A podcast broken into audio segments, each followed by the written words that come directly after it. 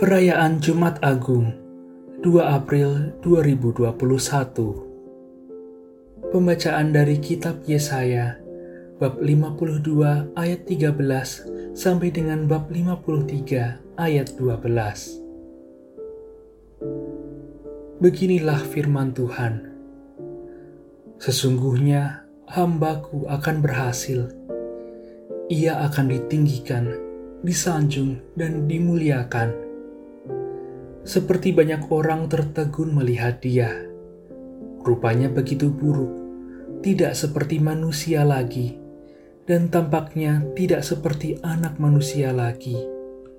Demikianlah ia membuat tercengang banyak bangsa, dan raja-raja akan mengatupkan mulutnya melihat dia Sebab apa yang tidak diceritakan kepada mereka akan mereka lihat, dan yang tidak mereka dengar akan mereka pahami.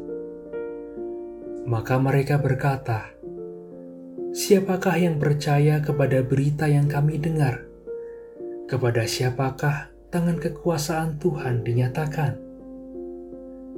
Sebagai taruk hamba Yahweh tumbuh di hadapan Tuhan, dan sebagai tunas ia muncul dari tanah kering. Ia dihina dan dihindari orang, seorang yang penuh kesengsaraan dan biasa menderita kesakitan. Ia sangat dihina, sehingga orang menutup mukanya terhadap dia, dan bagi kita pun dia tidak masuk hitungan. Ia tidak tampan dan semarak pun tidak ada padanya, sehingga kita tidak tertarik untuk memandang dia, dan rupanya pun tidak menarik, sehingga kita tidak terangsang untuk menginginkannya. Tetapi sesungguhnya, penyakit kitalah yang ditanggungnya, dan kesengsaraan kitalah yang dipikulnya. Padahal kita mengira dia kena tulah, dipukul dan ditindas Allah. Sesungguhnya dia tertikam oleh karena pemberontakan kita. Dia diremukkan oleh karena kejahatan kita. Derita yang mendatangkan keselamatan bagi kita ditimpakan kepadanya, dan oleh bilur-bilurnya kita menjadi sembuh. Kita sekalian sesat seperti domba, masing-masing mengambil jalan sendiri tetapi Tuhan telah menimpakan kepadanya kejahatan kita sekalian. Dia dianiaya, tetapi dia membiarkan diri ditindas dan tidak membuka mulutnya seperti anak domba yang dibawa ke pembantaian. Seperti induk domba yang keluh di depan orang-orang yang menggunting bulunya, ia tidak membuka mulutnya. Sesudah penahanan dan penghukuman, ia terambil dan tentang nasibnya, siapakah yang memikirkannya?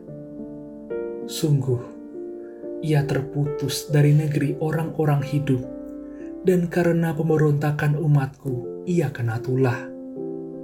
Orang menempatkan kuburnya di antara orang-orang fasik, dan waktu mati ia ada di antara penjahat-penjahat, sekalipun ia tidak berbuat kesalahan dan tipu tidak ada di dalam mulutnya. Tetapi Tuhan berkehendak meremukkan dia dengan kesakitan. Dan apabila ia menyerahkan dirinya sebagai kurban silih, ia akan melihat keturunannya. Umurnya akan lanjut, dan kehendak Tuhan akan terlaksana karena dia. Sesudah kesusahan jiwanya, ia akan melihat terang dan menjadi puas. Sebab Tuhan berfirman, hambaku itu sebagai orang yang benar akan membenarkan banyak orang oleh hikmatnya dan kejahatan mereka dia pikul.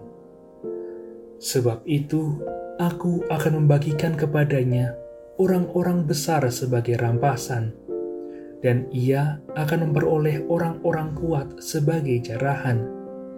Ini semua sebagai ganti karena ia telah menyerahkan nyawanya ke dalam maut dan karena ia terhitung di antara para pemberontak, sekalipun ia menanggung dosa banyak orang dan berdoa untuk pemberontak-pemberontak. Demikianlah sabda Tuhan.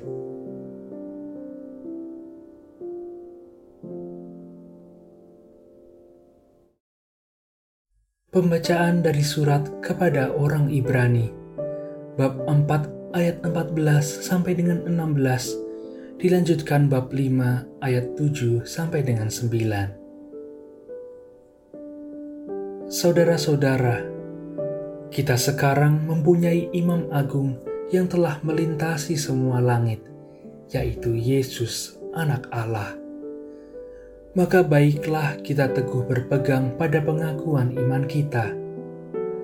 Sebab imam agung yang kita punya bukanlah imam agung yang tidak dapat turut merasakan kelemahan kita.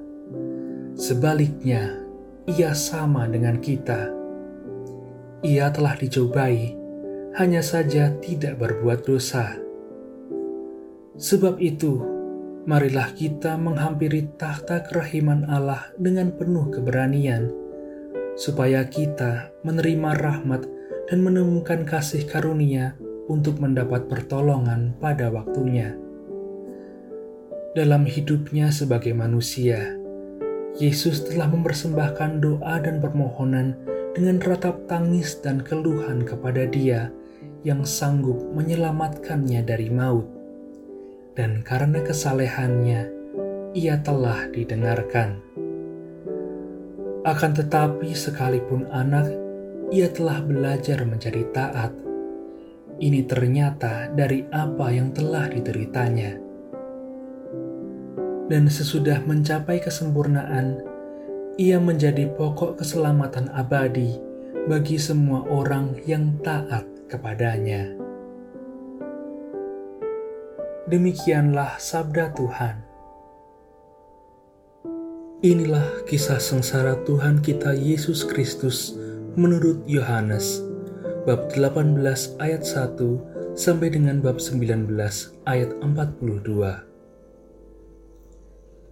Seusai perjamuan Paskah, keluarlah Yesus dari ruang perjamuan bersama-sama dengan murid-muridnya, dan mereka pergi ke seberang sungai Kidron. Di situ ada suatu taman. Yesus masuk ke taman itu bersama-sama dengan murid-muridnya. Yudas yang mengkhianati Yesus tahu juga tempat itu, karena Yesus sering berkumpul di situ dengan murid-muridnya. Maka datanglah juga Yudas ke situ, bersama sepasukan prajurit dan penjaga-penjaga bait Allah yang disuruh oleh imam-imam kepala dan orang-orang Farisi. Mereka datang lengkap dengan lentera, suluh, dan senjata. Yesus tahu semua yang akan menimpa dirinya. Maka ia maju ke depan dan berkata kepada mereka, "Siapakah yang kamu cari?" Jawab mereka, "Yesus dari Nazaret." Kata Yesus kepada mereka, "Akulah Dia." Yudas yang mengkhianati Yesus berdiri juga di situ bersama-sama mereka. Ketika Yesus berkata kepada mereka, "Akulah Dia," mundurlah mereka dan jatuh ke tanah. Maka Yesus bertanya pula, "Siapakah yang kamu cari?" Jawab mereka, Yesus dari Nazaret. Jawab Yesus, telah kukatakan kepadamu, akulah dia. Jika aku yang kamu cari, biarkanlah mereka ini pergi. Demikian terjadi, supaya genaplah firman yang telah dikatakannya. Dari mereka yang engkau serahkan kepadaku, tidak seorang pun yang kubiarkan hilang. Lalu Simon Petrus yang membawa pedang menghunus pedang itu dan meletakkannya kepada hamba imam agung dan memutuskan telinga kanannya. Nama hamba itu Malkus.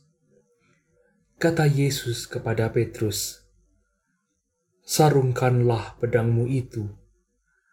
Bukankah aku harus minum cawan yang diberikan Bapa kepadaku. Maka para prajurit serta para perwiranya dan penjaga-penjaga yang disuruh orang Yahudi itu menangkap Yesus dan membelenggu dia. Lalu mereka membawa Yesus mula-mula kepada Hanas, karena Hanas adalah mertua Kayafas yang pada tahun itu menjadi imam agung. Dan Kayafaslah yang telah menasihatkan kepada orang-orang Yahudi adalah lebih berguna jika satu orang mati untuk seluruh bangsa. Simon Petrus dan seorang murid lain mengikuti Yesus. Murid itu mengenal Imam Agung, dan ia masuk ke halaman istana Imam Agung itu. Tetapi Petrus tinggal di luar dekat pintu. Maka murid lain tadi yang mengenal Imam Agung kembali keluar, bercakap-cakap dengan perempuan penjaga pintu, lalu membawa Petrus masuk. Maka kata perempuan penjaga pintu kepada Petrus, Bukankah engkau juga murid orang itu? Jawab Petrus, Bukan. Sementara itu, hamba-hamba dan penjaga-penjaga bait Allah telah memasang api arang sebab hawa dingin waktu itu, dan mereka berdiri berdiam di situ. Petrus pun berdiri berdiam bersama-sama dengan mereka. Maka mulailah Imam Agung menanya Yesus tentang para murid dan tentang ajarannya. Jawab Yesus kepadanya, Aku berbicara terus terang kepada dunia.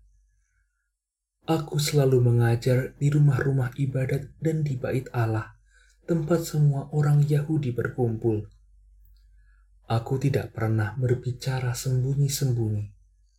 Mengapakah engkau menanyai aku? Tanyailah mereka yang telah mendengar apa yang kukatakan kepada mereka. Sungguh, mereka tahu apa yang telah kukatakan. Ketika Yesus berkata demikian, seorang penjaga yang berdiri di situ menampar muka Yesus sambil berkata, Begitukah jawabmu kepada Imam Agung? Jawab Yesus kepadanya, Jikalau kataku itu salah, tunjukkanlah salahnya. Tetapi jikalau benar, mengapakah engkau menampar aku? Lalu Hanas mengirim Yesus terbelenggu kepada Kayafas, Imam Agung. Simon Petrus masih berdiri berdiam kata orang-orang di situ kepadanya, Bukankah engkau juga seorang murid Yesus? Petrus menyangkalnya, katanya, Bukan. Salah seorang hamba imam agung, keluarga dari hamba yang telinganya dipotong Petrus berkata kepadanya, Bukankah engkau kulihat di taman itu bersama-sama dengan Yesus? Maka Petrus menyangkal lagi, dan ketika itu berkokoklah ayam. Keesokan harinya, mereka membawa Yesus dari istana Kayafas ke gedung pengadilan. Ketika itu, hari masih pagi. Mereka sendiri tidak masuk ke gedung pengadilan itu supaya jangan menajiskan diri, sebab mereka hendak makan Paskah. Sebab itu Pilatus keluar mendapatkan mereka dan berkata, Apakah tuduhan kamu terhadap orang ini? Jawab mereka kepadanya, Jikalau ia bukan penjahat, kami tidak menyerahkannya kepadamu. Kata Pilatus kepada mereka, Ambillah dia dan hakimilah dia menurut hukum Tauratmu kata orang-orang Yahudi itu, kami tidak diperbolehkan membunuh seseorang. Demikian terjadi, supaya genaplah firman Yesus yang dikatakannya untuk menyatakan bagaimana ia akan mati. Maka kembalilah Pilatus ke dalam gedung pengadilan, lalu memanggil Yesus dan bertanya kepadanya, Engkau inikah raja orang Yahudi? Jawab Yesus, Dari hatimu sendirikah engkau katakan hal itu? Atau adakah orang lain yang mengatakannya kepadamu tentang aku? Kata Pilatus, Orang Yahudikah aku? Bangsamu sendiri dan imam-imam kepala telah menyerahkan engkau kepadaku apakah yang telah engkau perbuat? Jawab Yesus, Kerajaanku bukan dari dunia ini. Jika kerajaanku dari dunia ini, pasti hamba-hambaku sudah melawan, supaya aku jangan diserahkan kepada orang Yahudi. Akan tetapi, kerajaanku bukan dari sini. Maka kata Pilatus kepadanya, jadi engkau adalah raja. Jawab Yesus, seperti yang kau katakan, aku adalah raja. Untuk itulah aku lahir, dan untuk itulah aku datang ke dalam dunia ini, yakni untuk memberi kesaksian tentang kebenaran. Setiap orang yang berasal dari kebenaran mendengarkan suaraku kata Pilatus kepadanya, "Apakah kebenaran itu?" Sesudah mengatakan demikian, Pilatus keluar lagi mendapatkan orang-orang Yahudi dan berkata kepada mereka, "Aku tidak mendapati kesalahan apa pun padanya, tetapi padamu ada kebiasaan bahwa pada hari raya Paskah aku membebaskan seorang bagimu. Maukah kamu supaya aku membebaskan raja orang Yahudi ini bagimu? Mereka pun berteriak, "Jangan dia, melainkan Barabas." Barabas adalah seorang penyamun. Lalu Pilatus mengambil Yesus dan menyuruh orang menyesah dia. Prajurit-prajurit menganyam sebuah mahkota duri dan menaruhnya di atas kepala Yesus. Mereka mengenakan jubah ungu padanya, dan sambil maju ke depan, mereka berkata, "Salam, hai Raja orang Yahudi!" Lalu mereka menampar Yesus. Pilatus keluar lagi dan berkata kepada orang-orang Yahudi, "Lihatlah, aku membawa dia keluar kepada kamu, supaya kamu tahu bahwa aku tidak mendapati kesalahan apa pun padanya. Lalu Yesus keluar bermahkota duri dan berjubah ungu. Maka kata Pilatus kepada mereka, "Lihatlah manusia ini." Ketika para imam kepala dan penjaga-penjaga itu melihat Yesus, berteriaklah mereka, "Salibkan dia! Salibkan dia!" Kata Pilatus kepada mereka, "Ambil saja sendiri dan salibkanlah dia, sebab aku tidak mendapati kesalahan apa pun padanya." Jawab orang-orang Yahudi itu kepadanya, "Kami mempunyai hukum." Dan menurut hukum itu ia harus mati, sebab ia menganggap dirinya sebagai anak Allah. Ketika Pilatus mendengar perkataan itu, bertambah takutlah ia. Lalu ia masuk pula ke dalam gedung pengadilan dan berkata kepada Yesus, "Dari manakah asalmu?" Tetapi Yesus tidak memberi jawab kepadanya. Maka kata Pilatus, Tidakkah engkau mau bicara dengan aku? Tidakkah engkau tahu bahwa aku berkuasa untuk membebaskan engkau dan berkuasa juga untuk menyalibkan engkau? Yesus menjawab, Engkau tidak mempunyai kuasa apa pun terhadap aku, jikalau kuasa itu tidak diberikan dari atas.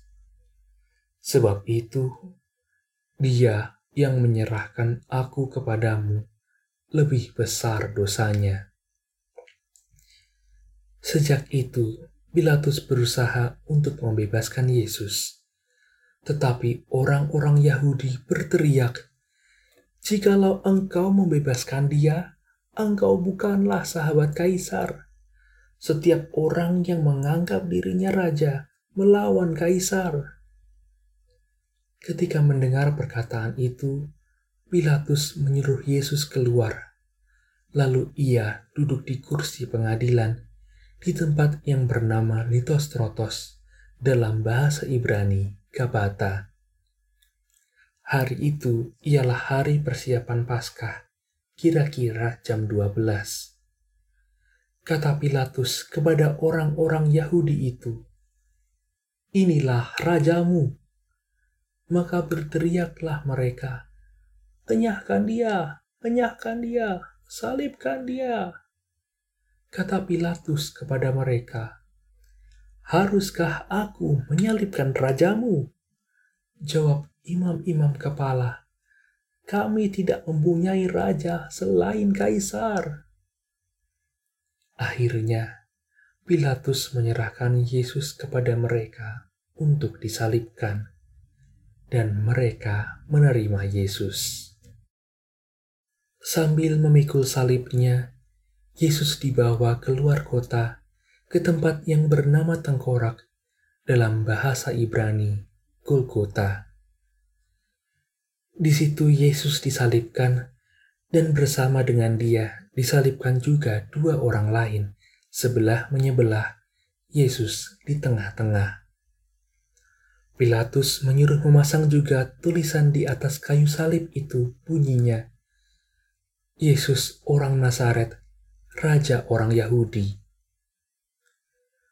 Banyak orang Yahudi membaca tulisan itu, sebab tempat Yesus disalibkan itu letaknya dekat kota dan kata-kata itu tertulis dalam bahasa Ibrani, Latin, dan bahasa Yunani. Maka kata imam-imam kepala kepada Pilatus, "Jangan engkau menulis raja orang Yahudi, tetapi ia mengatakan, 'Aku adalah raja orang Yahudi.'" Jawab Pilatus, "Apa yang kutulis tetap tertulis." Sesudah prajurit-prajurit itu menyalibkan Yesus, mereka mengambil pakaian Yesus, lalu membaginya menjadi empat bagian, masing-masing prajurit satu bagian. Jubah Yesus pun mereka ambil, tetapi jubah itu tidak berjahit. Dari atas ke bawah merupakan satu tenunan utuh. Karena itu, mereka berkata seorang kepada yang lain, Janganlah kita membagi jubah ini menjadi beberapa potong, tetapi baiklah kita membuang undi untuk menentukan siapa yang akan mendapatnya. Demikianlah terjadi, supaya genaplah yang ada tertulis dalam kitab suci. Mereka membagi-bagi pakaianku di antara mereka dan membuang undi atas jubahku. Hal itu telah dilakukan oleh prajurit-prajurit itu. Di dekat salib Yesus berdirilah ibu Yesus dan saudara ibunya, Maria istri Klopas dan Maria Magdalena. Ketika Yesus melihat ibunya dan murid yang ia kasihi di sampingnya, berkatalah ia kepada ibunya, "Ibu, inilah anakmu. Dan kemudian katanya kepada murid itu, Inilah ibumu. Dan sejak saat itu, murid itu menerima Maria di dalam rumahnya. Sesudah itu, karena Yesus tahu bahwa segala sesuatu telah selesai, berkatalah ia, supaya genaplah yang ada tertulis dalam kitab suci. Aku haus. Di situ ada suatu beli-beli penuh anggur asam. Maka mereka mencucukkan bunga karang pada sebatang hisop, mencelupkannya dalam anggur asam itu, lalu mengunjukkannya ke mulut Yesus. Sesudah minum anggur asam itu, berkatalah Yesus, "Sudahlah selesai." Lalu Yesus menundukkan kepala dan menyerahkan nyawanya.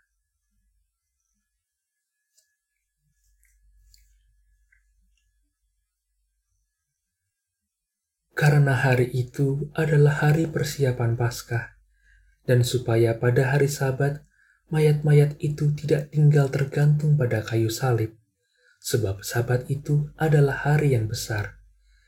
Maka datanglah orang-orang Yahudi kepada Pilatus dan meminta kepadanya supaya kaki orang-orang itu dipatahkan dan mayat-mayatnya diturunkan.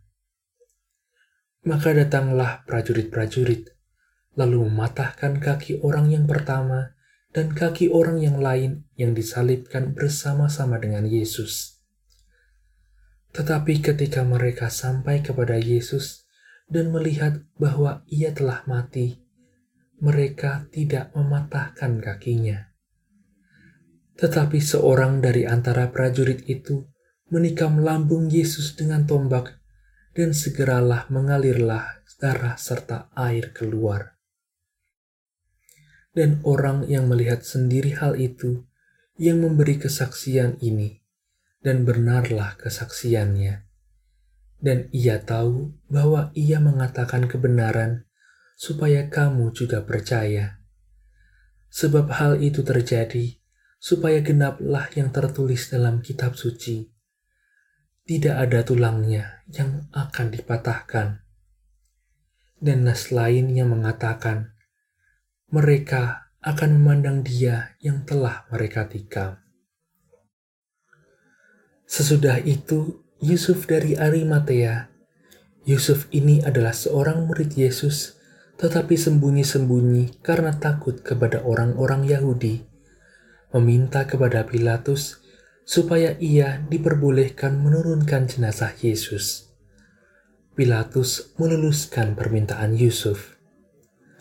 Maka datanglah Yusuf dan menurunkan jenazah Yesus. Juga Nikodemus datang ke situ. Dialah yang dulu datang malam-malam kepada Yesus. Ia membawa campuran minyak mur dengan minyak gaharu, kira-kira 50 kati beratnya mereka mengambil jenazah Yesus, mengapaninya dengan kain lenan, dan membubuhinya dengan rempah-rempah menurut adat pemakaman orang Yahudi. Di dekat tempat Yesus disalibkan itu ada suatu taman, dan dalam taman itu ada suatu kubur baru yang di dalamnya belum pernah dimakamkan seseorang. Karena hari itu hari persiapan orang Yahudi, sedang kubur itu tidak jauh letaknya, maka mereka meletakkan jenazah Yesus di situ. Demikianlah Injil Tuhan.